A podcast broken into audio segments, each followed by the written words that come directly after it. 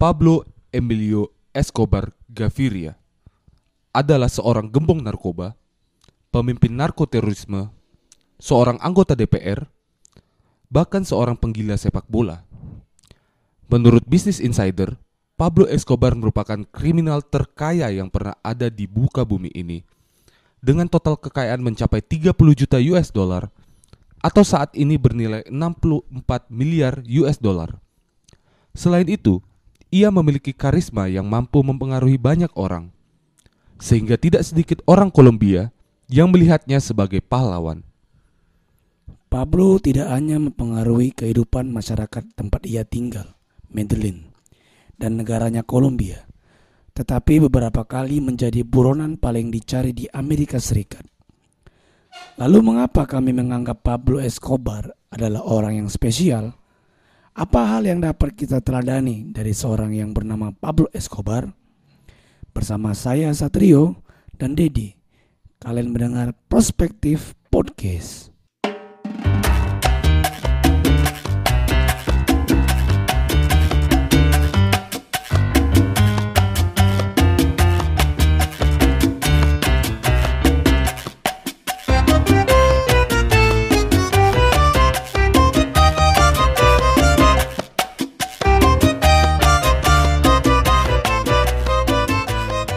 Escobar lahir pada 1 Desember 1949 di sebuah kota kecil bernama Rio Negro, Antioquia, Kolombia. Sejak kecil, Pablo hidup dalam suasana yang penuh kekerasan dengan kriminalitas tinggi.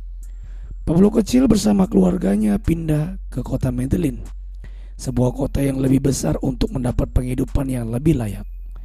Menurut Christopher Minster dalam artikel South.co Sejak kecil Pablo Escobar kecil memiliki sifat ambisius dan bermimpi untuk menjadi presiden Kolombia suatu hari nanti. Tetapi, nasib membawa Pablo menjadi seorang kriminal ulung. Sejak remaja, ia sudah terlibat dengan sejumlah aksi kejahatan, seperti pencurian mobil, menjual lotre palsu, hingga membantu ayahnya, Abel de Jesus Escobar, menjual ijazah palsu. Bahkan, sejumlah sumber menyatakan bahwa Escobar pernah melakukan pencurian batu nisan di pemakaman umum untuk dijual kembali. Namun, adik Pablo, Roberto Escobar, menyangkal isu tersebut dan menyatakan bahwa batu nisan yang diambil Pablo merupakan makam yang tidak membayar sewa lahan dan merupakan permintaan pengelola pemakaman. Bisnis Pablo Escobar di dunia narkoba bermula sekitar dekade 70-an. Roberto Escobar dalam buku berjudul The Accountant Story menggambarkan sang kakak memulai bisnis kokain pada sekitar tahun 1975 dengan masuk dalam jalur penyelundupan narkoba di kawasan Amerika Latin. Di masa membangun bisnisnya, Pablo menerbangkan sendiri pesawat yang membawa kokain untuk diselundupkan ke Panama dan diedarkan ke seluruh jaringan narkoba di Amerika Latin hingga Amerika Serikat.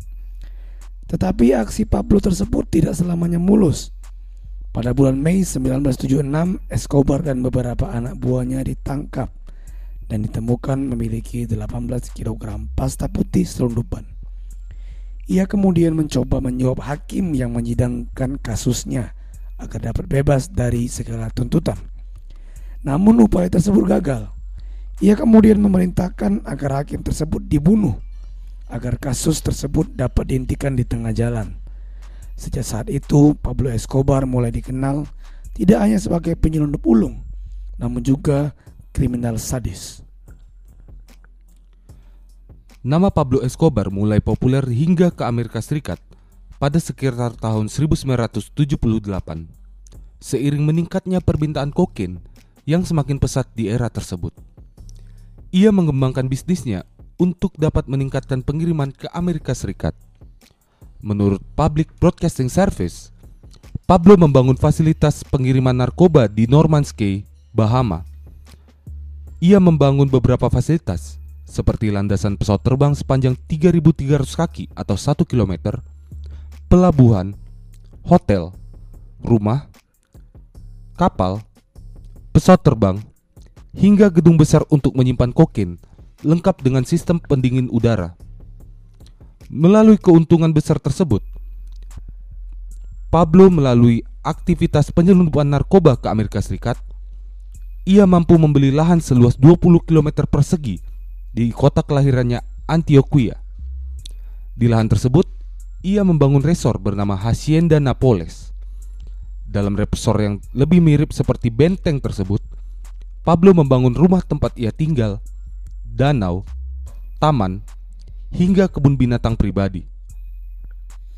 Sudah banyak sekali orang yang mengangkat kisah hidup Pablo hingga ia meninggal pada 2 Desember 1993 Sehari setelah ulang tahunnya yang ke-44 di Medellin, Colombia Mulai dari film, buku, TV series, dan masih banyak lagi Tetapi tidak sedikit hal yang dapat kita jadikan sebagai pembelajaran dari orang yang kerap dipanggil Raja Kokain tersebut Seperti Al Capone yang mengusulkan agar produk susu membuat label kadaluarsa. Pablo Escobar melakukan beberapa hal baik dalam kehidupannya, yang tentu saja berimplikasi pada sosoknya yang tidak hanya dikenal sebagai kriminal besar, tetapi juga sebagai pahlawan bagi sebagian orang. Pertama, upaya Escobar membangun sepak bola di Kolombia. Meski menjadi bagian pencucian uang, Pablo membangun fasilitas sepak bola seperti klub hingga membeli pemain top Kolombia untuk bermain di klubnya. Atletico Nacional yang bermarkas di Medellin, Kolombia. Ketika itu tercatat ada enam klub sepak bola Kolombia yang dimiliki para bandar narkoba. Melalui Atletico Nacional, Pablo membangun klub tersebut hingga berprestasi tidak hanya di Kolombia, namun hingga Amerika Selatan dengan menjuarai Copa Libertadores pada 1989.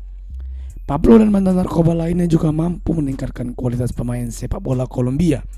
Meski liga profesional di sana penuh dengan praktik suap, match fixing hingga pembunuhan.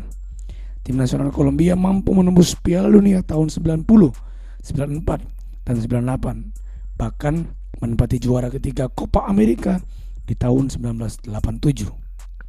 Kemudian, Pablo Escobar kerap dijuluki modern Robin Hood ia membangun banyak fasilitas di kota Medellin, seperti rumah sakit dan perumahan bagi masyarakat miskin. Hal ini membuat Pablo dicap sebagai filantropis bagi masyarakat Medellin pada dekade 80-an. Popularitas Pablo ketika itu membuatnya tidak sulit untuk terpilih sebagai anggota Dewan Perwakilan Rakyat Kolombia pada 1982 dari Partai Alternatif Liberal. Selama menjadi anggota DPR, Pablo mendorong pembangunan rumah dan lapangan sepak bola yang membuatnya populer di kalangan penduduk setempat di kota-kota yang sering ia kunjungi. Yang terakhir adalah semangat pemerintah Medellin untuk membangun kota tersebut sepeninggal Escobar. Sudah bukan rahasia umum jika Medellin di masa Escobar adalah kota dengan tingkat kriminalitas tinggi. Kota tersebut tak ubahnya seperti hutan rimba, di mana yang kuat adalah yang menang.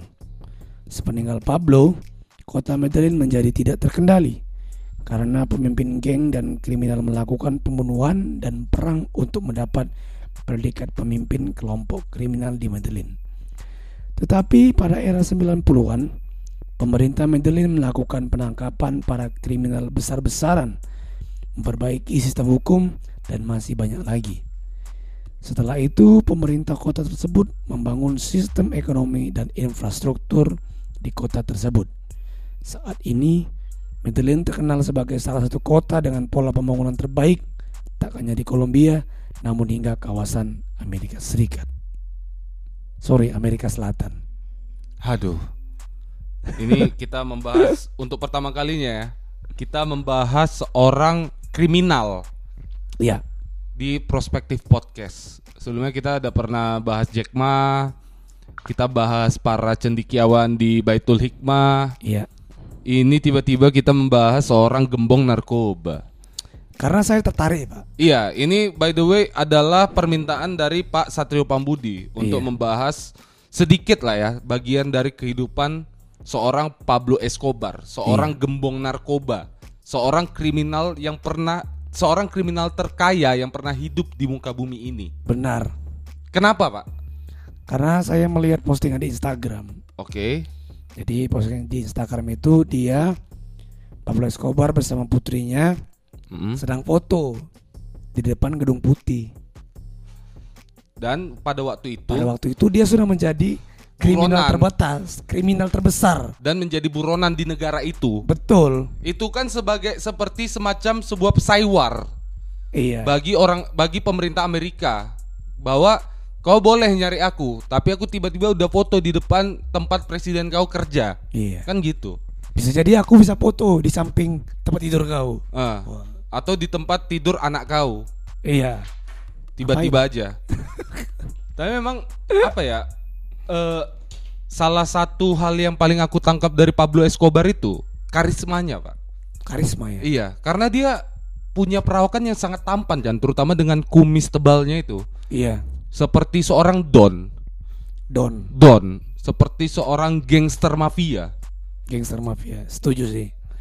Memang ya memang memang itu kerjaan dia. Oh iya, betul sekali sih. Iya, bahkan ada satu fakta dari Pablo Escobar ini kan. Jadi pada saat musim dingin kan Mm, anaknya kedinginan. Oke. Papa aku dingin. Mm. Kan di setiap rumah-rumah di Eropa atau di Amerika sana kan yang ada musim dinginnya kan Iya, iya. mereka kan ada perapian kan. Iya, ada tempat perapiannya. Iya, kan bisa bakar bakarnya pakai kayu. Pakai kayu bakar, ya. Dia pakai uang dolar. What? Menggunakan uang, Bakar uang untuk uang dolar. uang dolar untuk menghangatkan putrinya dari musim dingin. Wah, wah, wah, wah. Padahal kan seharusnya dia bisa bayar orang atau nyuruh orang, eh tolong lu carikan lu kayu. Anakku kedinginan. Nah, itu dia Pablo Escobar. cuy. Seorang Pablo Escobar yang tidak sayang uang. Tidak sayang uang. Iya. Atau mungkin ya, kenapa dia bisa kaya? Karena dia nggak sayang uang. Jadi uang tiba-tiba datang aja ke ke kantong dia gitu. Karena bisa jadi mungkin eh, dulu dulu motivasinya itu sebenarnya bukan uang, tapi Kekuasaan. nggak merubah hidup Oh. dan kekuasaan karena kan dia juga bercita-cita menjadi seorang presiden. Presiden di Kolombia. Iya kan? Jadi Iya. bisa dibilang uang itulah bonus dari kerja keras dia selama ini. Betul. Dia di masa awal karirnya sebagai pengedar narkoba, dia sendiri yang menerbangkan pesawatnya dari Kolombia ke Panama pada waktu itu membawa kokain Iya. dan beberapa komoditas selundupan. Saya sih terinspirasi kalau kalau dibandingkan sama Jack Ma saya lebih suka Pablo Escobar. iya. Waduh. Karena terang ya terang karena dia Iya, terang-terangan iya, iya. jahat gitu. Iya, iya, nggak iya. nggak di depan baik tapi menjadi menyuap pemerintah, Waduh.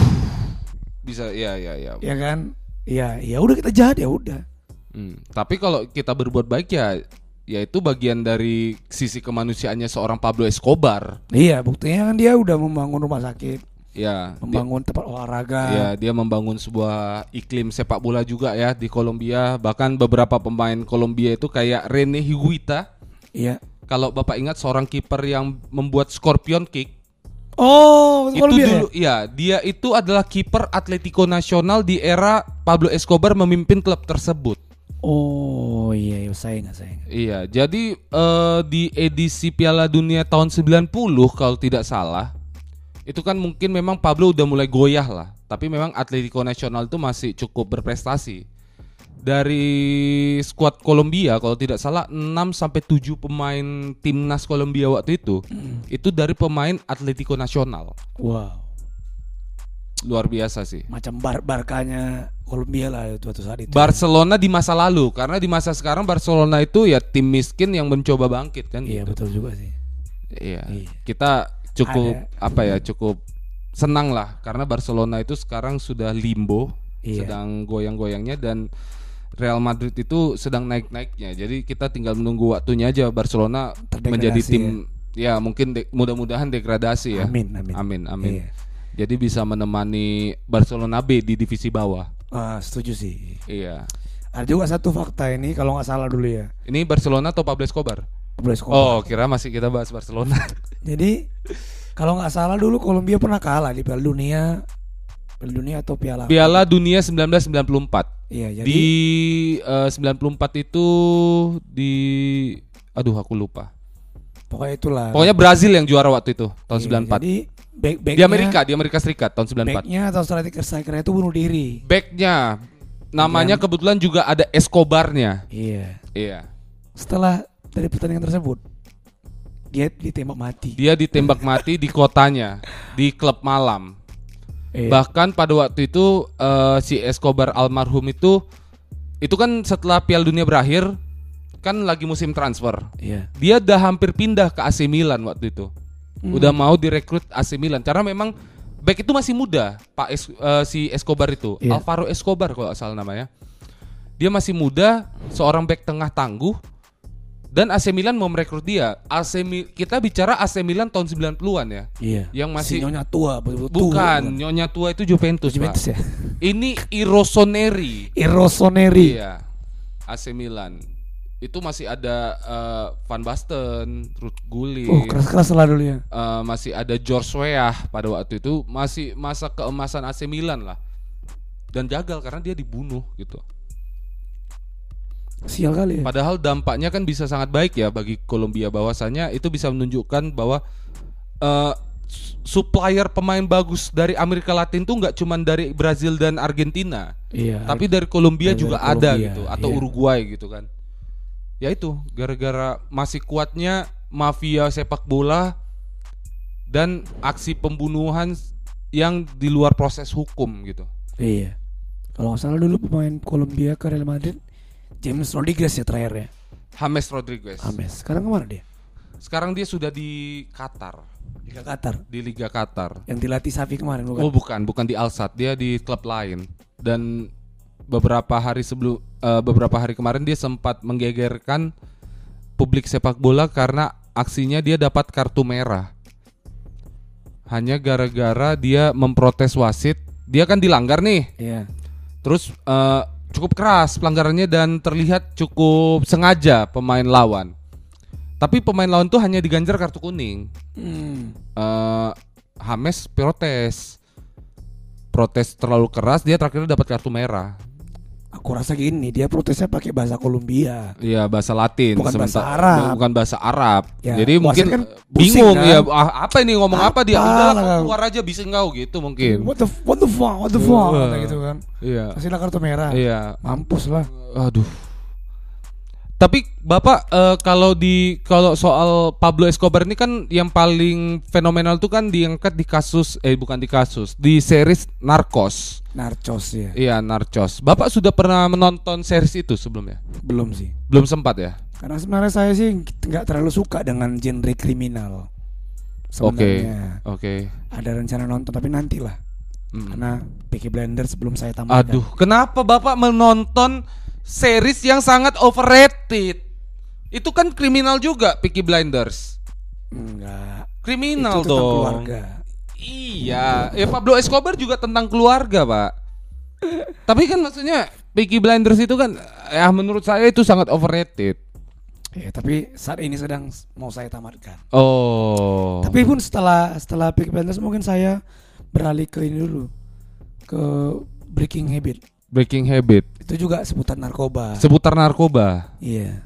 Tak kenapa ya kalau perbicaraan narkoba ini kok asik ya? Padahal saya juga belum pernah make sih.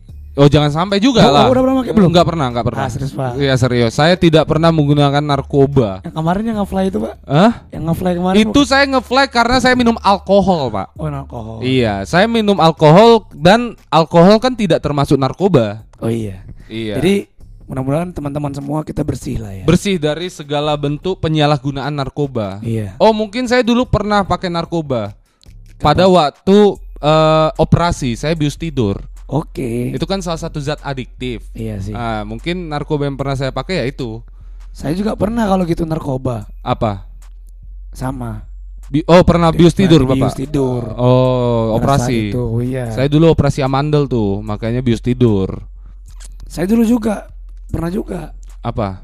operasi. Operasi apa? Su- Sunat, sunat, sunat. Bius tidur bapak, waktu operasi sunat. Enggak mati rasa burung saya, Pak. Ya itu kan al- itu kan bius lokal. itu ya memang harus mati rasa sama kayak bapak ba- eh, cabut gigi kan seperti mati rasa. Oh iya sih. Kenapa anda pikir itu narkoba? Iya, kan mungkin juga ada zat-zatnya di situ. Bisa jadi sih. Iya, Iya, bisa tapi itu bius lokal. burung-burung saya, mati saya rasa. juga saya juga waktu sunat ada sekitar tiga hari mati rasa. Siap itu perih sekali. Wuh. Iya sih. Perih bisa sekali. nggak bisa ereksi ya. Tidak bisa ereksi. eh mau pipis mengeluarkan dari sarung juga sangat sulit. Iya. Bercabang-cabang pasti kencing kita pertama kali. Iya, bercabang-cabang. Dan bau obat. Bau obat, bau amoksilin. Iya. Itu sejenis antibiotik. Betul. Iya, saya ingat sekali aromanya itu sangat khas. Jadi kalau misalnya aku tanya ke bapak ini, jika bapak seorang Pablo Escobar pada saat itu, Oke. eh, apa yang hal gila apa yang bakal bapak lakuin di lain kebiasaan Pablo Escobar yang dulu? Hal gila apa? Hal gila yang saya lakukan mungkin eh tapi tidak kriminal ya. Bebas, bebas. Bebas kan? Hmm. Mungkin saya akan eh pindah keluarga negaraan Wow, ke mana? ke Indonesia. Kenapa? Karena di Indonesia menurut saya cara eh, hidupnya sangat enak. Oh iya sih. Iya, terus kriminalitas tidak terlalu tinggi di ketik di waktu itu gitu. Jadi mungkin saya akan bersembunyi tidak di Kolombia lagi, mungkin ke daerah-daerah kayak Asia gitu. Tapi kalau bapak ke Indonesia kan pada saat itu su- sudah sudah zaman orde baru. Sudah orde baru memang. udah kejam pak. Tahun, Sudah kejam. Tahun 65 udah pembunuhan di mana-mana. Iya, tapi saya makal bersembunyi di Papua mungkin. Iya. Karena tempatnya kan masih sangat masih sangat rimbun. Oh, tidak iya sih. terlalu ramai seperti sekarang. Tapi intel-intel zaman orde baru tuh keras pak. Keras-keras memang. Tiba-tiba kemarin misalnya, misalnya bapak pindahlah ke Papua lah misalnya. Ah. kan. Bapak udah punya anak, tiba-tiba ada orang, dek, bapak ada. Waduh, Aduh. apalagi kalau udah jam satu pagi itu ya, dek Waduh. bapak ada. Itu bisa jadi sih saya kabur duluan daripada saya eh, menerima tamu tersebut. Waduh. Bisa jadi dia ada bawa beceng sejak awal. Iya. Oh, kalau bapak seperti apa misalnya? Bapak punya Kalau- kekayaan yang luar biasa, bapak seorang gembong narkoba, bapak sangat populer di kalangan pengedar narkoba. Apa hal gila yang mungkin bapak lakukan kalau bapak menjadi seorang Pablo Escobar? Eh, saya bangun klub seperti Holy Wings Waduh, di di Kolombia, di Indonesia dong. di Indonesia juga. Kenapa ke Indonesia? Bapak kenapa ikut ikutan ini? Kal- Kalau kalau saya lihat pada saat zaman dulu kan, Hmm. eh, klub malam diskotik itu hanya dinikmati oleh kalangan pejabat Anak-anak pejabat. dan Orang-orang kaya. orang-orang kaya. Hmm. Jadi saya mau buat diskotik itu eh, cabangnya satu bulan satu cabang saya saya resmikan. Wah, cepat sekali ya perkembangan Iya. outlet Saya- bapak. Itu bapak membangun diskotik atau Indomaret sebenarnya? Saya mau buat Indonesia ini kayak Las Vegas. Wah, Las Vegas saja sebuah kota gitu. Ini bapak satu negara mau bapak bikin seperti Las Vegas. Iya, karena gini, eh, apa ya? Kalau kita lihat eh, pembangunan Indonesia ini agak salah menurut menurut saya. Harusnya harusnya yang yang di yang ditekan dulu itu ekonomi. Ah. Kalau ekonominya membaik, otomatis semuanya membaik. Nah, ini rupanya yang rusuh. dibangun rupanya apa? diskotik. Enggak, maksud saya yang diba yang salah itu apa rupanya yang mereka lakukan? Kalau nggak bangun ekonomi, yang mereka bangun emangnya apa gitu? Pendidikan. Lah, itu kan satu hal yang yang saling berkaitan, Pak. Sama Iya. kayak gini. Tapi Eh, tapi gini deh, tapi ah. tidak merata. Ya kan? Ya itu wajar Hanya karena di masa lalu sentral aja. Karena di masa lalu tidak ada yang namanya otonomi daerah. Terus juga di masa itu juga eh, semua tiarap kan, tidak ada yang berani berinovasi. Iya. Cobalah kalau jadi gini, kalau jadi kalau kalau apa namanya kalau diskotik dan tempat hiburan itu kan milik swasta bukan milik Swasta. pemerintah. Iya Jadi nggak mungkin ada pemerintah membuat diskotik. jadi jadi ya tergantung aku dong. Iya sih. Iya kan? Iya. Nggak, nggak tergantung pemerintah. Beda kalau misalnya beda kalau misalnya pendidikan karena kan butuh butuh ini untuk pencairan dana aja itu lama. Lama, lama, sangat Prosesnya. lama. Iya. Mungkin tahun Hari ini tahun diajukan. tahun ini kita cantumkan eh, untuk membeli buku ini. Mungkin tahun depan baru keluar. Iya. Itu kita beli lagi. Iya. Nah kalau kalau kita membangun diskotik kan malu kan ya tergantung modal kita berapa punya. Ya terus impact impact positifnya lah dari dari bapak membangun diskotik Oh, tiap seniman. bulan satu outlet. Hah? Seniman. Oh, Seniman. bapak mau mengembangkan industri Dancer. musik dan Industri kreatif lah. industri kreatif pada waktu itu ya. Iya. Hmm, karena memang saya se- cukup menarik ini kalau permusikan Indonesia tahun 80-an sampai 90-an karena sangat disco. Wow, pasti. Iya, orang-orang seperti almarhum Faris terus RM. juga Faris RM, baru eh, Yoki Suryo Pranyogo, Dan keren-keren musiknya. keren-keren. Terus juga eh, Guru Soekarno Putra, Iya. itu beberapa membuat musik disco. Mus Mujiono. Di, di situ aja di pada saat itu aja belum belum terlalu open minded pemerintah pada pada seni. Eh, Iya. Tapi Apalagi- musisinya bisa sangat apa dance floor banget Iya. musiknya gitu. Apalagi kalau kita legalkan semuanya. Wah. Wah, Indonesia bakal menjadi sentral industri musik di Asia bisa jadi. Iya, iya, jangan nggak Asia Tenggara lagi ya, udah se Asia gitu Iya, ya. tapi kan Betul, betul. jika aku Pablo Esco- Escobar. Iya, iya. Tapi gini deh. Kalau misalnya zaman sekarang Pablo Escobar masih hidup, Hmm. Apa apa apa apa yang bakal terjadi pada dunia? Kalau menurut saya sih, jadi gini, eh, gembong beberapa gembong narkoba yang besar yang sampai sekarang masih ada, salah satunya itu di Meksiko. Cara mereka mengendalikan bisnisnya itu mirip dengan Pablo Escobar. Jadi narkoterorisme itu Iya. itu adalah tentara bayaran mercenary yang disewa oleh bandar narkoba atau gembong narkoba untuk jadi semacam tentara mereka sendiri gitu.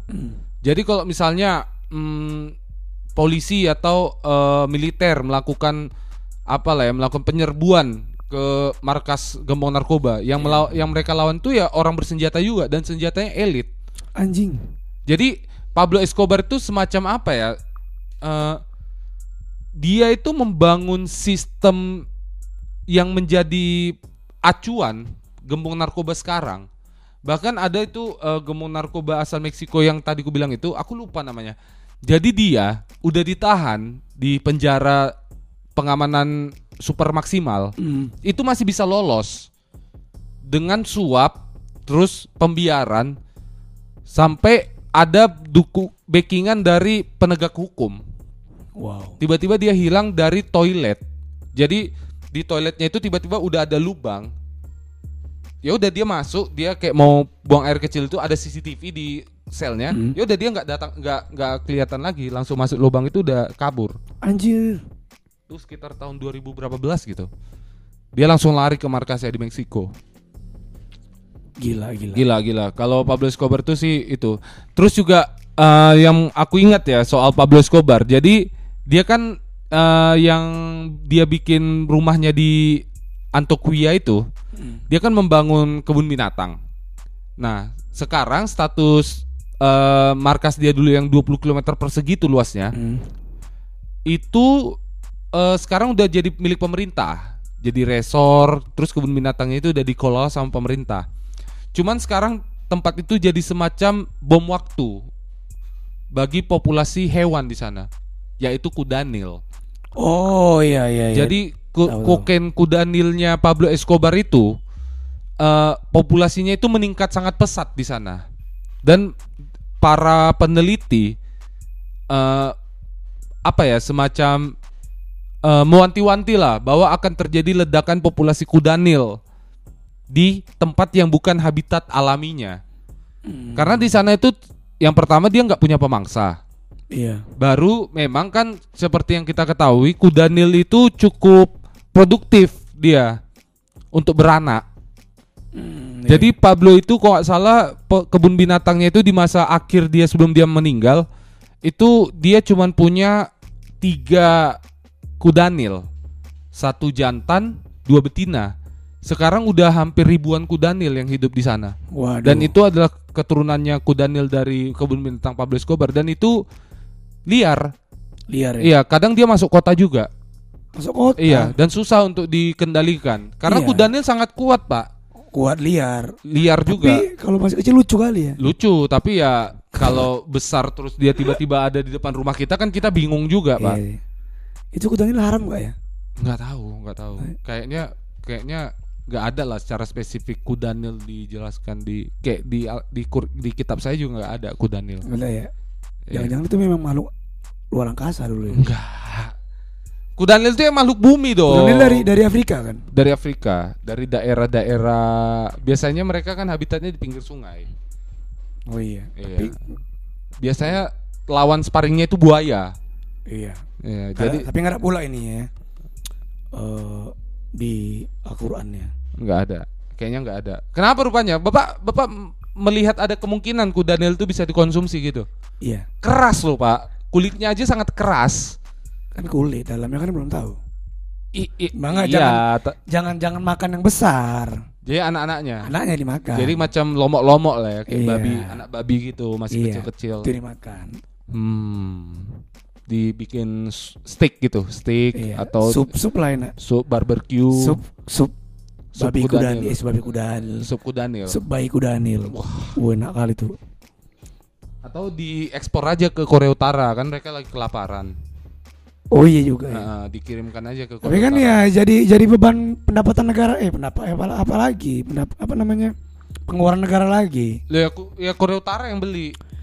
Kenapa nggak nggak kayak nggak kayak Australia kan dulu kan saking banyaknya Unta. unta kan dibunuhi Iya. Di dibunuh. Tembaki. Iya. atau atau, atau diracun. Ya. Kudanil nggak bisa, Pak. Kuat tubuhnya, Pak. Ya tembak lah. Kalau nggak salah, untuk membius seekor kudanil itu butuh sekitar 5 sampai 10 dosis Wah, untuk menjatuhkan seekor apa ya? Gajah atau apa gitu. Dan cara menembaknya juga susah karena kulitnya keras. Baru dia larinya kencang. Dia bisa lo masuk ke air, dia bisa berenang. ya masa mereka nggak punya Sudah pernah dicoba, Pak. Sniper Sudah pernah dicoba. Pasti bisa. Ber- baru kan harganya mahal dan Pablo Escobar ini udah nggak ada. Kalau Pablo Escobar masih ada mungkin dia bisa. Eh, udah nah nih satu juta dolar uruslah itu. Mungkin bisa. Iya, Tapi dia sudah jiun. ya diracun kayak Susah. Mbak mau meracunnya kayak mana caranya?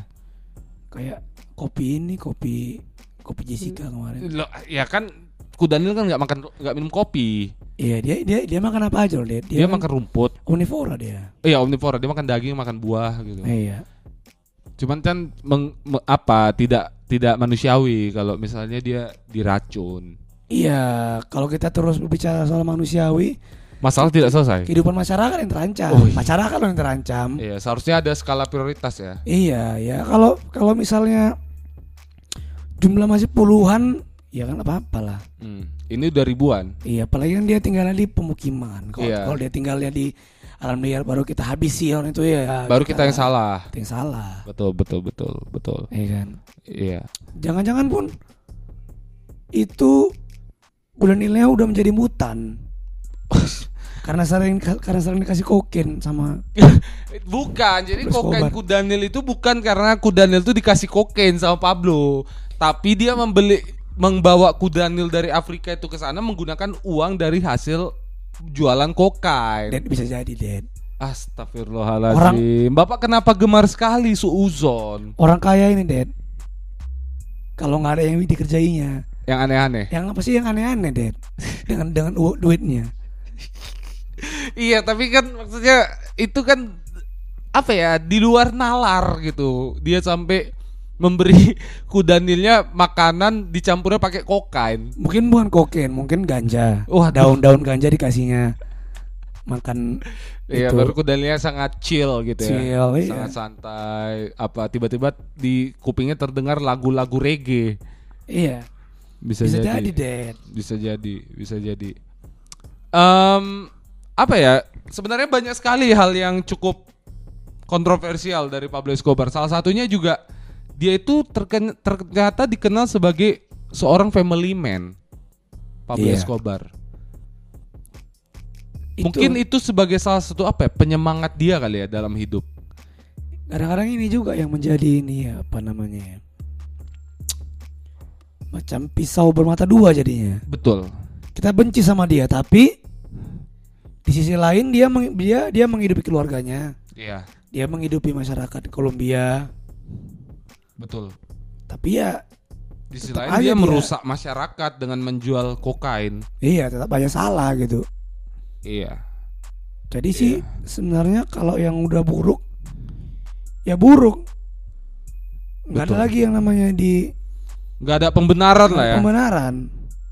Ya kalau mau baik ya sistem ekonomi sistem masyarakatnya yang yang dibenahi Hmm. bukan bukan apa namanya bukan kita mencari pembenaran terhadap suatu kelompok yang jahat tapi memberikan keuntungan manfaat untuk masyarakat Iya. Tapi di sisi lain kayak tadi lah, dia ternyata kan sempat jadi anggota dewan. Iya Dia berpolitik gitu. Berarti ini semacam apa ya? eh, satu pertanda lain selain Jack Ma. Jadi memang kalau orang udah kaya, terus dia punya bisnis yang sangat besar, dia mau nggak mau harus expand ke politik. Iya. Untuk memenangkan pengaruh kali ya. iya. Itu harus gitu ya kayaknya ya. kayaknya sih ya harus. Tapi nggak tahu lah mungkin motivasi yang dimiliki Pablo. Buktinya ya sebelum sebelum dia menjadi anggota dewan pun bisnisnya juga jalan-jalan aja ya. Jalan. Tapi kan dulu dia lebih sering kalau ada lawan yang politisi gitu menyerang dia, dia biasanya ya tembak, iya sih. Nembak lawannya, mungkin dibunuh. udah udah udah malas nembak-nembak orang ya Mungkin, mungkin. jadi lebih lebih lebih aman dengan jalur diplomatis Iya. Jadi dia bisa lebih mencuci tangan lah gitu ya. iya Iya. mungkin juga dia punya ambisi ambisi yang jadi Presiden, presiden tadi. kan jadi mungkin dia anggota DPR dulu lah kan Heeh. besok ke wali kota bis ke wali kota mungkin tujuh tahun kan habis itu dia ke gubernur Hmm. jadi gubernur dia tiga tahun habis itu dia jadi Iya. presiden Ini aku baru baca Itu dia. dari Kompas kan. Jadi Pablo Escobar itu tahun 80-an dia sempat berniat untuk melunasi hutang negara Kolombia. wow Jadi Musa di Musa di masa puncak keka- ke- kekayaannya Pablo Escobar tuh bisa menghasilkan 420 juta dolar seminggu. seminggu Seminggu 420 juta dolar, hampir Amerika, setengah miliar. Amerika. Iya, Amerika. Jadi dia pernah eh, menawarkan ke pemerintah Kolombia eh, untuk melunasi utang negara Kolombia, utang luar negerinya sebesar 10 miliar dolar Amerika Serikat. Tapi syaratnya satu, dia harus dia mau dibebaskan dari perjanjian ekstradisi. Jadi tahun 80 itu dia sempat di apa ya, upayakan untuk dibawa ke Amerika untuk dihukum di sana. Hmm, Jadi salah satu cara dia melobi pemerintah Kolombia supaya dia nggak diekstradisi itu dia ber- dia berniat tuh melunasi utang negara 10 miliar US dollar tahun 80-an. Berarti mungkin yang 30 juta dolar tuh mungkin dia ada apa-apanya mungkin mungkin di belakang-belakangnya masih ada lagi duitnya. oh iya pasti Luar biasa. Luar biasa. tapi kan kenapa menolak ya Ya Pak, kita kan tidak boleh be, apa berkolaborasi dengan kriminal Pak. oh iya sih apa namanya pemerintah itu kan nggak boleh berkolaborasi dengan kriminal. Iya tahu. Ya, pas- ya pasti secara etika melanggar dong. Gini deh kalau aku jadi presiden saat itu ya oke. Oke kita lunasi. Habis itu setelah lunas tembak kepalanya. Ya bapak bisa me- bisa membuat perang saudara pak di negara bapak. Karena pastinya kan orang yang melihat Pablo Escobar sebagai pahlawan ini kan nggak terima bapak telah berbuat zolim sama dia. Makanya membunuhnya jangan langsung ditembak. Tadi pak bilang tembak kepalanya. Diracun diracun. Aduh. Mungkin mungkin menggunakan menggunakan ini kan menggunakan kan dipilih-pilih menggunakan pela- menggunakan pelacur Heeh. yang bisa acting. Jadi mereka ketika sudah pelacur itu berdua. berdua karena udah lagi enak-enak. Heeh. Dikasih minumannya racun minum mati meninggal Pak ini kan Pablo Escobar pak, bukan orang ceroboh gitu. Dia pasti kan playing safe. iya benar benar sih BT- btw kenapa dia meninggal Ditembak, kan tembak juga dia kan? diserbu. Jadi di tahun 91 itu dia udah apalah, udah kacau lah. Bisnis bisnis dia udah mulai di udah mulai dipersulit. Dia udah mulai di apa proses hukum. Jadi dia udah ditahan. Tapi yang menariknya di masa penahanan dia, dia nggak ditahan di penjara. jadi Dia membuat sendiri penjaranya. anjing anjing anjing dia buat penjara sendiri di kota Medellin juga. Jadi eh, justru yang kurang ajarnya ya. dia masih bisa mengendalikan bisnisnya di penjaranya itu. oh iya ya penjara sendiri kok gila Makanya kenapa bisa gitu ya eksekusi aja lah bawa ke bawa ke rutan gitu atau ke lapas. Tapi memang itu maksudnya ya Pablo Escobar sekuat itu gitu. Iya sih. Jadi dia bangun penjara sendiri, terus entah kayak mana dia mau mencoba kabur atau gimana, dia cabut dari penjaranya itu, sempat pindah-pindah ke apa ke rumah-rumah pengikut-pengikut kepercayaan dia. Iya. Pindah-pindah terakhir dia waktu tanggal mulai dari 1 Desember tuh. Dia udah eh, kena sadap. Dia ada di sebuah rumah, salah satu rumah eh, pengikutnya. Pengikutnya juga mati waktu disergap itu. Jadi tanggal 2-nya dia waktu teleponan sama istri dan anaknya, Hmm. dia lagi bilang dia sehat, aku merasa kuat hari ini. ka- kabar kalian gimana gitu lah ngobrol. Rupanya dia udah disadap sama Hmm. eh, pasukan gabungan Kolombia dan Amerika Serikat waktu itu. Jadi siang-siang rumahnya didobrak, ada baku tembak juga waktu itu. Jadi waktu dia lari dari atap-atap rumah, dia ditembak sama sniper di bagian dada. Tapi belum mati waktu itu, belum masih sekarat gitu. Terus dia diser apa di dikerumunin, kepala ditembak. Dan yang paling wadidaunya eh, tim yang mengeksekusi Pablo Escobar waktu itu foto di depan mayatnya sambil mengacungkan jempol. Mantap. Iya, Viva Colombia gitu mereka bilang. Mancing mania. Hidup Kolombia gitu lah. Mantap katanya.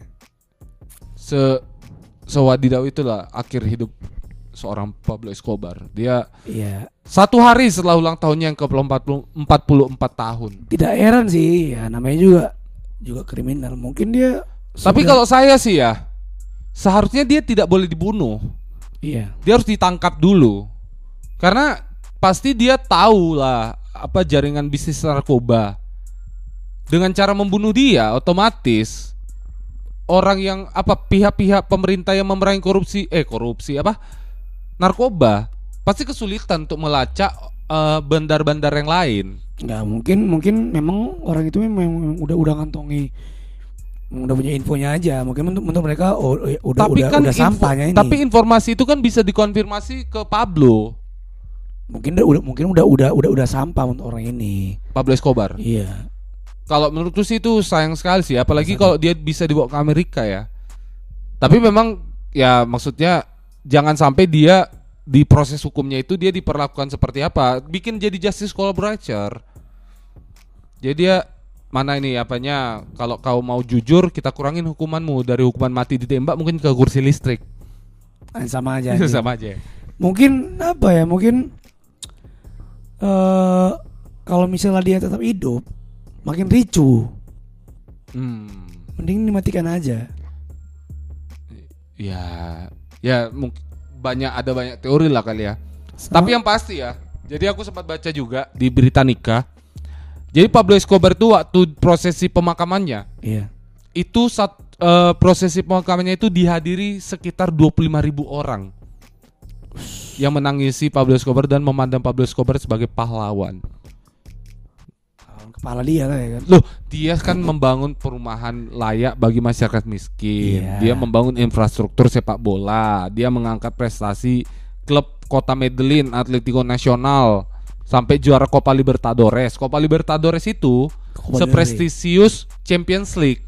Oh, di Amerika tapi. Iya, di Amerika Latin, Copa Libertadores itu. Jadi dulu eh kalau Copa Libertadores itu ya kalau nggak Independiente, Boca Juniors, yang gitu-gitu yang juara. Ini tiba-tiba dari Medellin, dari Kolombia bisa juara gitu. Atletico Nacional itu. Jadi klub Kolombia pertama yang menjuarai Copa Libertadores kalau nggak salah. Kan luar biasa gitu. Dan yang terakhir. Enggak. Nah, Kebetulan 2016 Atletico Nacional tuh juara lagi Copa Libertadores. Oh ya. Itu luar biasa sih seorang Pablo Escobar tuh cukup luar biasa. Kalau menurut saya sih apa ya? Eh, tetap ya sebaik-baiknya orang dia pasti punya sisi buruk Pasti. dan seburuk-buruknya orang dia pasti melakukan satu dua hal yang baik dalam kehidupannya. iya. Menurutku itu sih. Tapi sesalahnya ya tetap mengeksploitasi masyarakat. Iya, iya, itu pasti. Dia pun membangun pemukiman juga pe- pencucian uang pasti. Tapi ibaratnya gini, pencucian uang itu kan bisa dengan banyak cara. Iya. Tapi kenapa dia melakukan aksi-aksi sosial? Berarti kan paling tidak nih ya, paling tidak dia masih punya empati ke masyarakat miskin, terutama dia dulu adalah orang miskin. Dia dulu jadi sales bapaknya jualan ijazah palsu, Pak. Iya. Sampai ini diduga ya dia menjual batu nisan.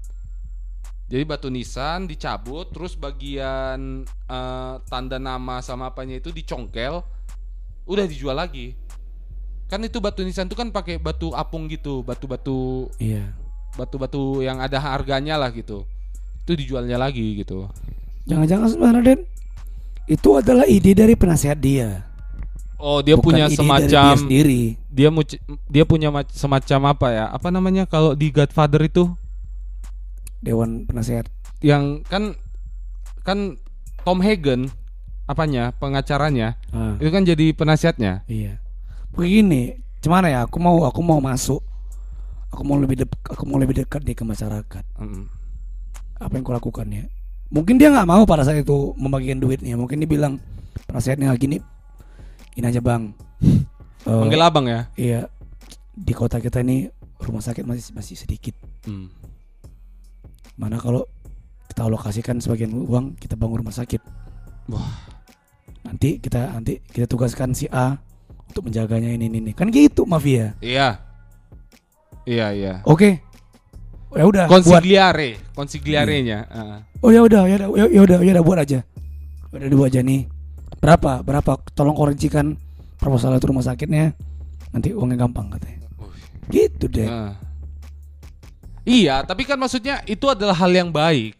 Baik memang. Iya, membangun rumah sakit, membangun infrastruktur sepak bola, dia bangun lapangan bola. Jadi gini, aku pakai narkoba, Hmm, aku sakit. mati. Uangku beli narkoba itu dibangun rumah sakit untuk aku juga ke situ. Ah. Kan lucu. Loh, gini, Bapak pakai narkoba atau beli at- orang yang beli atau pakai narkoba itu kan urusan pribadi dia. nggak ada yang meng, nggak ada yang maksa dia beli narkoba. Betul. Ya, itu risiko dia. Tapi ketika uang narkoba itu dipakai daripada Pablo Escobar membangun rumah bordil, Masih mending. enggak lah. Kalau kalau dia bangun rumah bordil kan bisa jadi dia menyebarkan virus HIV. Mending dia bangun rumah sakit, dia bangun pemukiman kumuh, dia bangun lapangan sepak bola. Iya. Ketimbang dia bangun panti pijat, Jadi kalau pada saat itu kan informasi untuk rehab segala macam itu kan masih sulit deh. masih sulit, masih sulit. Masih sulit. Yang yang yang orang tahu kan pakai ini. Bagus ngefly. Ah. Udah titik. Tidak nggak ada nggak ada nggak ada nggak ada apa namanya pandangan oh udah setelah dong, itu gimana? HIV itu udah ada dari tahun 80-an dong. Ya karena itu loh zaman-zaman jaya dia. Iya, maksudnya kan 80-an. makanya maksudnya daripada dia membangun diskotik, klub malam, rumah bordil, panti pijat, mending dia bangun rumah sakit. Jadi kalau Iya. sekarang gini lah persentasenya, berapa persen sih orang yang ketergantungan obat terus pergi ke rumah sakit? Sedikit sih. Sedikit di zaman itu. Orang merasa itu aib. Karena Oh, dulu iya. capnya kalau dia kena HIV, dia itu kemungkinan besar homoseksual. Oh iya. Itulah yang terjadi di film Dallas Buyers Club. Oh iya. Matthew McConaughey. Iya. Dia kan dituduh gay. Padahal dia cuma ngewek lontenya. Iya, padahal dia cuman menggunakan pelacur. Iya. Nah, nah daripada lah Pablo, makanya balik lagi daripada lah Pablo Don Pablo Escobar membangun rumah-rumah bordil, mending dia membangun pemukiman kumuh supaya menjadi hunian yang layak. Dia bangun rumah sakit. Kalau pemukiman sih setuju sih. Yang jahat tuh gini, dia misalnya bangun perumahan, ya kan? Hmm. Terus dia nggak ngasih itu dijual, sewa sampai penghuninya mati apa meninggal. Oh janganlah. Nah, Ada yang lebih jahat deh. apa? Pada saat pandemi kan Hmm. dibuat Aduh, Tes ini bahaya kali, PCR. nih, ini bahaya kali nih. PCR Ah, sampai hampir 2 juta. ah. Oh iya sempat 2 juta ya? Iya. Terus pada pada saat awal PCR tuh nggak ngaku Hmm. siapa ini yang yang yang yang, yang punya perusahaan. Perusahaan-perusahaan penyedia layanan PCR. Iya. Ternyata ada nama dia. Aduh. Habis itu dia bilang apa? Saya nggak ngambil untung dari sini. Bisnis mana yang tidak ngambil untung? Iya. Kecuali berdagang ya. Ya berdagang juga ngambil untung lah. Iya. Paling nggak modal kan. Ini bisnis yang bisa autopilot, Hmm. tidak ngambil untung. Bapak tidak percaya itu? Tidak percaya. Itu kan kejam, Pak. Ya.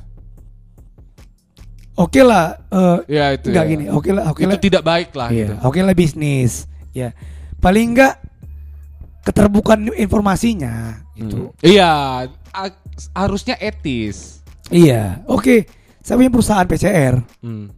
model PCR-nya aslinya sekian Hmm. Saya mengenakan ke masyarakat tarifnya sekian. iya ya udah toh juga itu terbukti ampuh kan Iya. untuk- Atau ya uangnya kan toh juga ke mereka gitu kan. iya Karena mau PCR ke mana lagi? Kan Iya. penyedia layanannya kan cuma sekian itu. ya pokoknya itulah pokoknya ya itulah Ya, bisnis ya, itulah yang tidak etis itu, itu ya. nggak etis. Makanya Pablo Escobar lebih baik kan dari itu. Eh, sebenarnya juga Oh iya kak juga, ya betul betul. Saya Soalnya- cuma mau mencoba. yang men- yang saya tahu sih eh, opung kita itu Aduh bahaya sekali. opung kita itu dia dia dia bangun dia bangun daerah asal dia Oh itu Kan- baik ya. kan sekolahnya ada, dia Ada. bangun sekolah Ada. Saya sempat mendaftar ke sana. dia bangun yayasan Iya yayasan dia bangun universitas. Ah, Politeknik, Politeknik. ada tapi gimana ya ya ya udahlah ya kita harapkan sih Berbuah baik ya. iya berbuah baik dan dan dan untuk semua masyarakat Amin. Jangan- jangan hanya di kota ini jangan hanya di kota ini gitu sih Loh, kalau tadi kan balik lagi.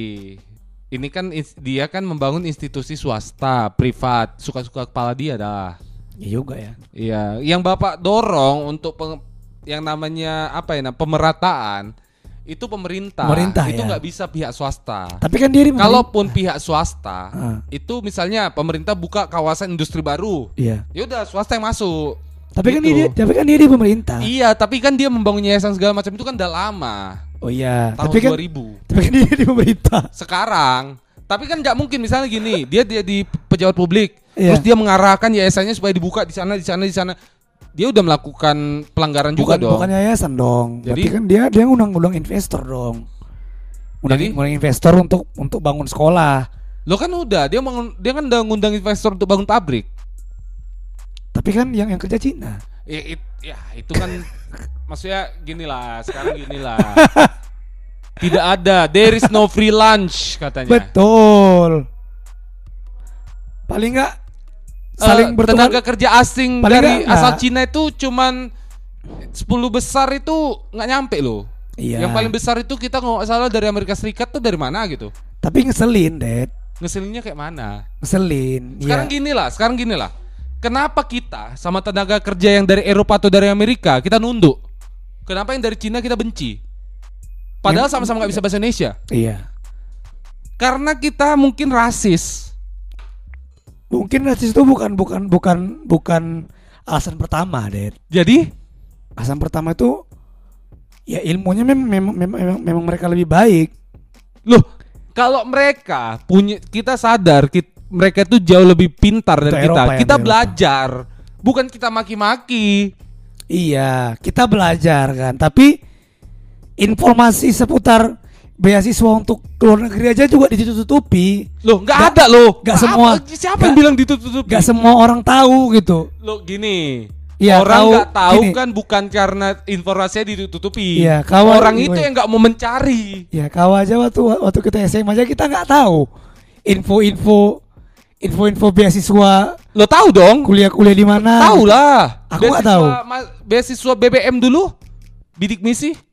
Bidik misi kan memang mem- mem- memang, untuk yang di sini. Lo kan memang beasiswa. Maksudnya, iya, me- memang maksudnya memang kan untuk memang untuk di di di di Indonesia. Maksudnya kalau kalau kalau kita kalau kita bandingkan dengan dengan yang luar negeri, harusnya kan ada, ada pertukaran student exchange itu exchange. terjadi ketika kau udah masuk kuliah dulu.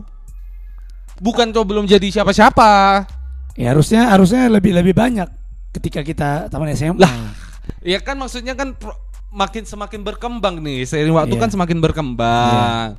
Kalau di masa lalu itu belum apa kan tapi sekarang kita sudah ke arah yang seperti itu. Berarti kan ada Iya. perbaikan. Tapi tetap aja yang masuk Cina. Kenapa? Masuk Ma- gitu. Maksudnya gini. Cina itu negara maju. Ya ya udah. Mereka pintar. Pintar. Eh, terus kenapa kau benci?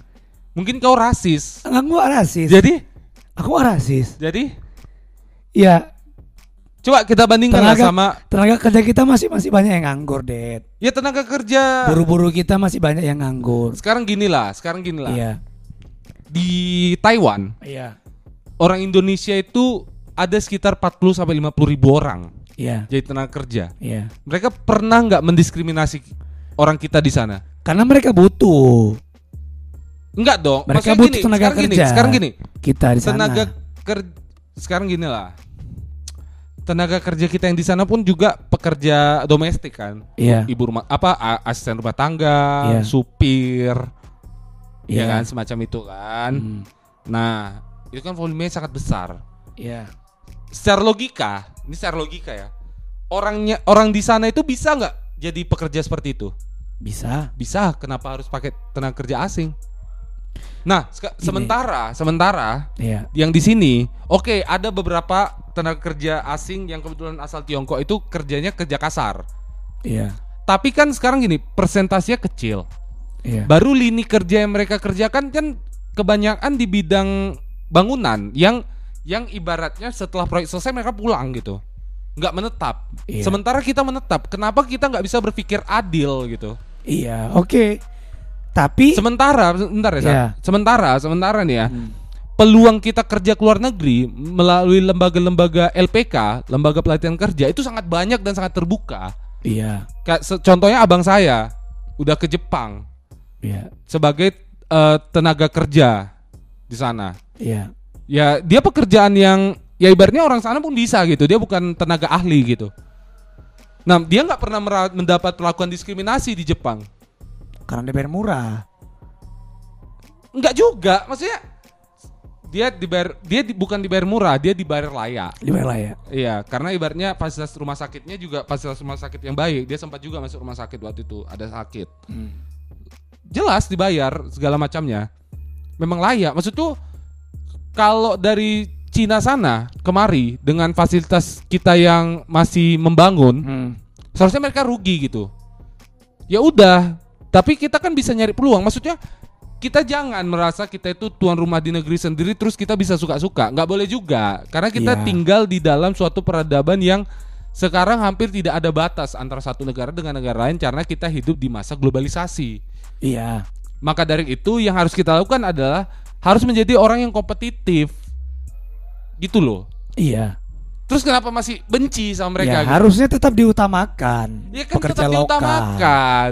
Kalau Kan kalaupun misalnya gini. kalau nggak kalaupun dari luar negeri ya Saya kenapa menjadi seperti juru bicara? harus tenaga ahli. Saya seperti juru bicara se- Di kita dia harus diajarkan sekarang ilmunya. gini, sekarang gini.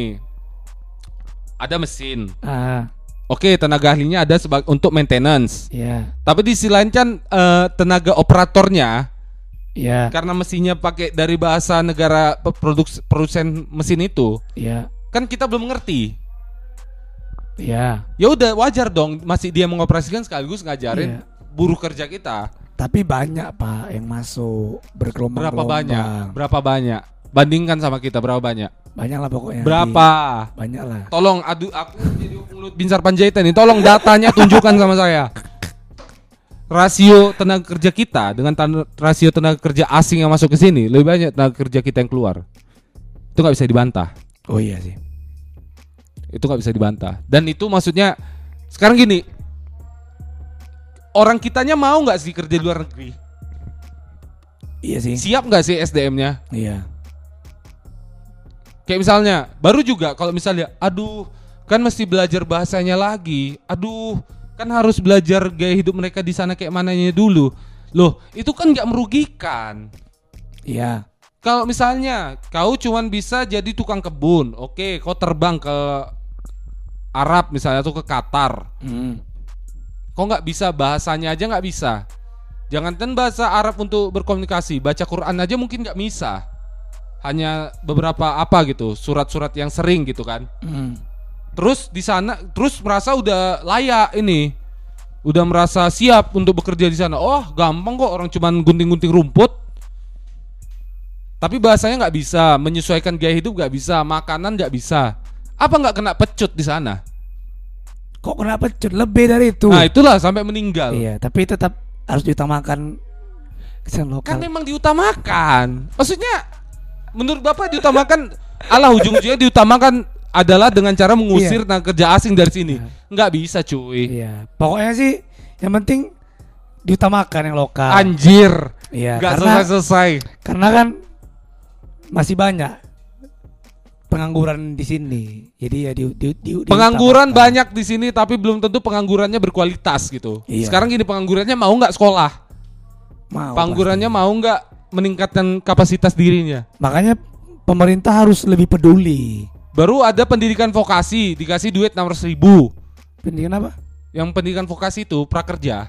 Oh, prakerja ya. Nah, dikasih duit 600 Iya. ribu. Duitnya mana? Dipakai Nah, jajan. itu yang salah itu siapa? memang Pemerintahnya salah- atau masyarakatnya? itu memang salah strategi. Enggak, bukan. Sekarang gini deh. Itu memang- gini. Bukan, memang bukan salah begini, strategi. begini, begini, begini. Maksud tuh gini. eh aku bukan karena mau membela pemerintah atau kayak mana. Menurutku pemerintah lebih rasional aja ya. Ya. Jadi gini. Ada banyak sek- ada sekian banyak eh, ilmu yang bisa digunakan untuk bekerja Iya. dan dan penye- pengelola lembaga-lembaga pelatihan itu mayoritas swasta. Iya. Kalau punya pemerintah cuma satu dua. Iya. Nah, kalau menurutmu, aku tahu maksudmu kan kita kan jangan dikasih duit, kita kasih akses untuk sekolah, ya kan? Iya. Nah, sekarang kayak mana caranya? Sementara trouble-nya adalah ke dana kalau dari pemerintah ke pihak swasta itu lama cairnya, sulit. Otomatis pihak swasta yang penyedia lembaga pun nggak mau dong. Ya mereka mending nyari siswa reguler. Jadi enggak kalau Yang jadi masalah adalah habit masyarakat kita yang menerima manfaat dari kartu prakerja disalahgunain duitnya. Sekarang gini lah, berapa peserta kartu prakerja sekarang? Makanya aku nggak mau ikut prakerja waktu nganggur kemarin, karena menurutku aku nggak siap menerima 600 ribu setiap bulan. Terus aku nggak ku apa-apain, aku udah korupsi di situ. Iya. Nah sekarang gini lah, kalau tiba-tiba pemerintah melakukan, oke semua eh, peserta manfaat kartu prakerja, kita bakal mengaudit pengeluaran anda, siap nggak?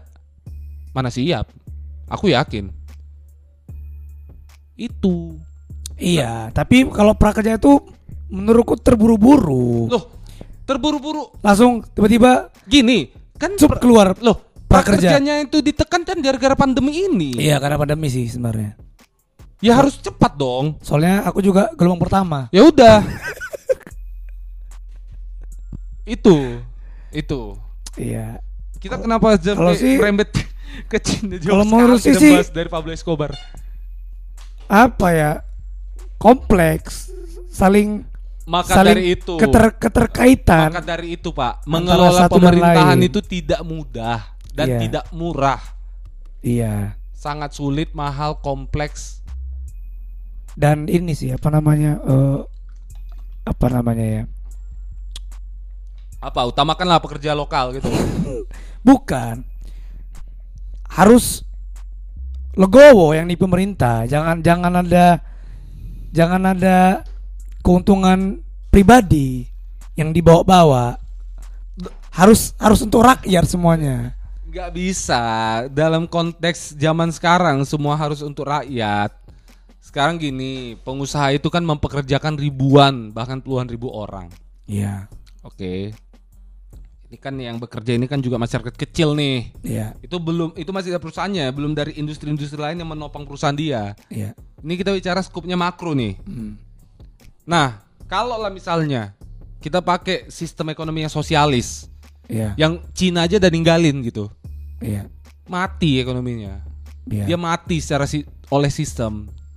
Dia dead by system. Dan itu untuk membangkitkannya kembali itu susah. Karena kalau secara sistem dia membuat si- iklim ekonomi itu tidak tumbuh, itu merembet pada budaya masyarakatnya, Hmm. tidak kompetitif. Makanya di zaman sekarang adalah tingkatkan kompetensi kita. Mumpung secara usia kita masih layak untuk jadi angkatan kerja. Bukan dengan mengharapkan dari langit pemerintah menurunkan uang. Oh tidak. Ya itu pemerintah ngasih duit nih, nih duit 600 ribu kau, kau cari vokasi-vokasi ini kami udah ada nih listnya.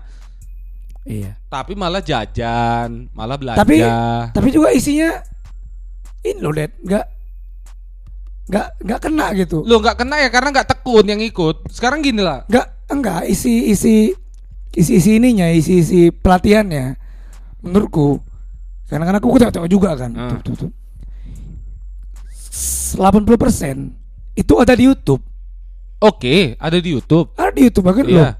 lo. Lo ngap sebenarnya lo ngap ngapain juga pemerintah pemerintah ngasih ngasih duit untuk kita belajar toh dari YouTube. Oke. Bapak nggak berhenti jadi peserta kartu prakerja? Terus aku aku ikutin. Terus aku ikut, ya? aku ambil aku ambil kelas public speakingnya siapa? Si siapa ya komedian itu? Banyak komedi. Tretan. Bukan komedian siapa Adriano si Colby. Raditya. Bukan. Eh yang Chinese si Bukan, apa? enggak, enggak, enggak, Ernest. enggak. Calontong. Bukan Calontong. Yang, yang, yang sering tour Panji Pragiwaksono. Panji sama Panji. Aku ngambil ngambil kelas sampai siap aku. Ah, Sampai siap. ada manfaatnya kan?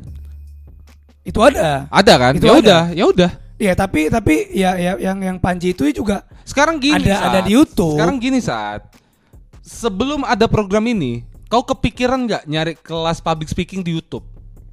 memang memang memang itu yang ku kerjakan sebelumnya.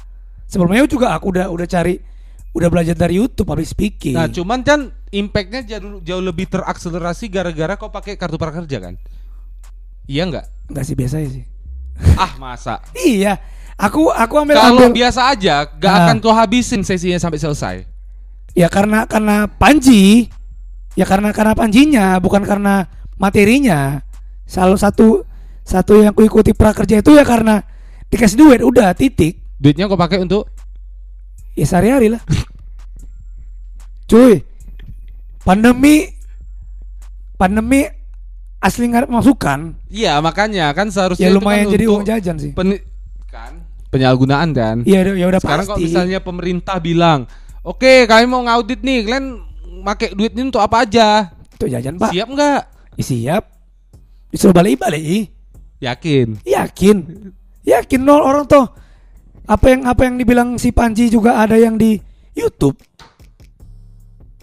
Ya, lah. oh, tapi cuma- menurut tuh secara Aku ya, tapi secara kebijakan tuh baik. Kalau menurut tuh itu baik.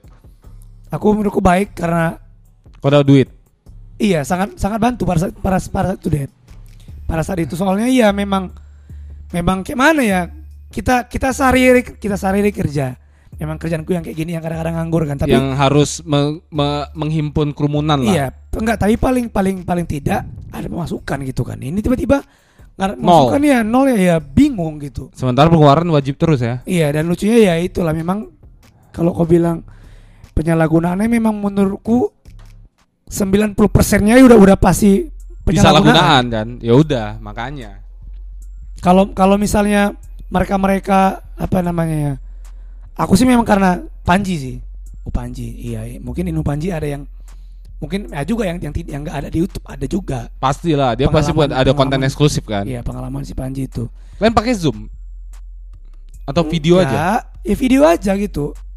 Dia kan dari kelas.com jadi kalau mungkin yang lain mungkin satu episode setelah cair ya udah. Enggak sih gini deh jadi pencairannya itu ya pencairannya itu kita sudah tonton semua video. Nanti nanti ada di akhir video itu Token. ada kolom kolom ini kolom apa namanya kolom angket. Nah kita isi angketnya kita kirim email. Ya kan kirim email sama kirim kita kirim kirim screenshot kalau nggak salah ya. Kirim screenshot episode terakhir ke email nanti diproses. Cair. cair seminggu baru cair. Hmm, seribu sebulan gitu. Ya udah. Berarti kan baik secara sistem.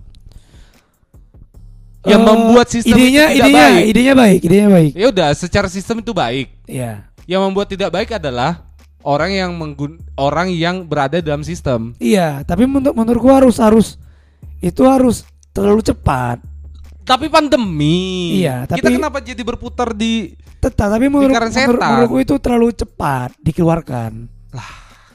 Sosialisasinya kurang. Lo kan sekarang ini adalah masanya on demand Iya, sesuai dengan permintaan dari user. iya. Tapi tapi Kalau usernya tiap hari hanya menonton video joget perempuan tidak jelas, iya. ya makin tolol. Tapi tetap aja ini kan menurutku ya, menurutku itu terlalu cepat. Bahkan waktu kartu prakerja itu ada apa kan keluar kan. Jadi kan aku kalau nggak salah apa namanya follow akun Instagram siapa gitu kementerian apa gitu. Apa nih kartu prakerja ku cek ku cek ku ikuti aja daftar daftar. Daftar jadi waktu kita daftar itu kan ada tesnya. Tesnya tesnya langsung di situ. Tes ada soal matematika bahasa Indonesia segala macam ada sekitar setengah jam. Ternyata aku lulus. Besoknya langsung transfer satu juta. Itulah. Nah, uang satu juta itulah uang uang untuk membeli pelatihan. Hmm. Kau pakai untuk apa? ya itu aku beli kelas online Ah. kelasnya itu harganya tujuh ratus lima puluh ribu Dua setengahnya? dua setengahnya dicairkan Paket. bisa dicairkan Kau beli kau beli paket? bisa beli paket Yalah untuk mendukung. iya tapi tapi nggak bisa Penonton. pokoknya pokoknya satu juta tuh nggak bisa kita belanjain nggak bisa kita nominalkan jadi duit harus untuk membeli paket Pelatihan. pendidikan. udah itu aja sih Makanya keren kan? Keren sih tapi tetap Ah, ya itulah kurang kan, kurang bersyukur kau itu namanya. tapi tetap ada ya kan tetap ada tapi ide yang Sekarang bagus tuh gini, tetap ada tapi deh segala hal sebelum kata tapi itu omong kosong. Iya. Tapi kan ya kan itu kan ini kan sebagai pengguna kartu prakerja kan Anda, Itulah. karena Anda adalah seorang pengguna pra- kartu prakerja yang zalim. kok zolim kan aku Anda gunakan. menggunakan uang uang uang tersebut untuk kegiatan pribadi. Iya kan aku gunakan. ya masa gini loh yang yang yang yang ku ambil tuh kan soft skill.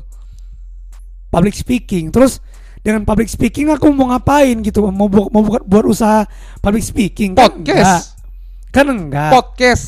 yang yang aku gunakan itu kan aku latih untuk ketika pandemi selesai kerjaanku di public speaking mungkin MC Eh, atau jurkam, juru kampanye. juru kampanye Bobby cuma ya udah Oke lah. Kita sudah sangat out of topic. iya. Kesimpulan. Kesimpulan ya. Ah, menurut aku eh yang apa yang dilakukan Pablo Escobar tentu aja salah. Karena memperjualbelikan barang yang ilegal. Ba- barang yang haram. barang haram. Tapi sisi positifnya tetap aja sisi positifnya Ada, ada. Kita Sebenarnya harus harus diikuti oleh seluruh miliarder seluruh dunia. Bahwa kita harus menjadi orang yang filantropis, membangun sesuatu yang baik untuk masyarakat baik, baik. Betul. yang bisa dinikmati ya kayak rumah setuju, sakit, setuju.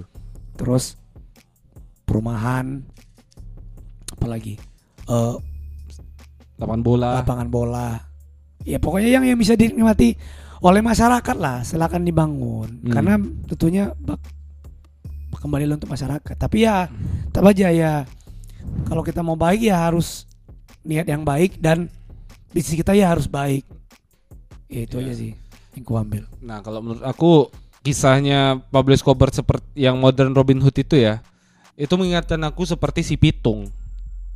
sepitung Iya, jadi dia mencuri dari orang kaya, terus dibagi-bagiannya ke orang-orang susah. iya. Menurutku sih gini, eh, hal baik yang dilakukan dengan metode yang jahat iya. itu hasilnya tetap jahat, iya sih. Karena eh, ada banyak korban jiwa yang harus dikorbankan iya demi satu dua hal yang baik gitu. Sementara dia pun mengumpulkan pundi-pundi kekayaannya juga dari hasil yang jahat gitu. Jadi kalaupun satu dua kali kita melakukan hal jahat, eh, upayakan tetap etis. Dalam artian ya kalau misalnya kita secara hukum kita diusut gitu, iya ya udah kita sebagai orang yang mempertahankan diri kita punya hak-hak hukum misalnya punya pengacara dan segala macam ya udah akses itu jangan coba untuk melangkahi hukum dan sebagainya karena kita juga udah berbuat salah gitu iya menurutku sih itu Oke, kita tutup podcast kita kali ini. Semoga menjadi pelajaran amin untuk kita semua amin amin dan juga teman-teman semua. Kalau mau ada kritik dan saran bisa langsung ke email kita di prospektifpodcast@gmail.com. Saya Satrio, dan saya Dedi sampai bertemu di episode berikutnya.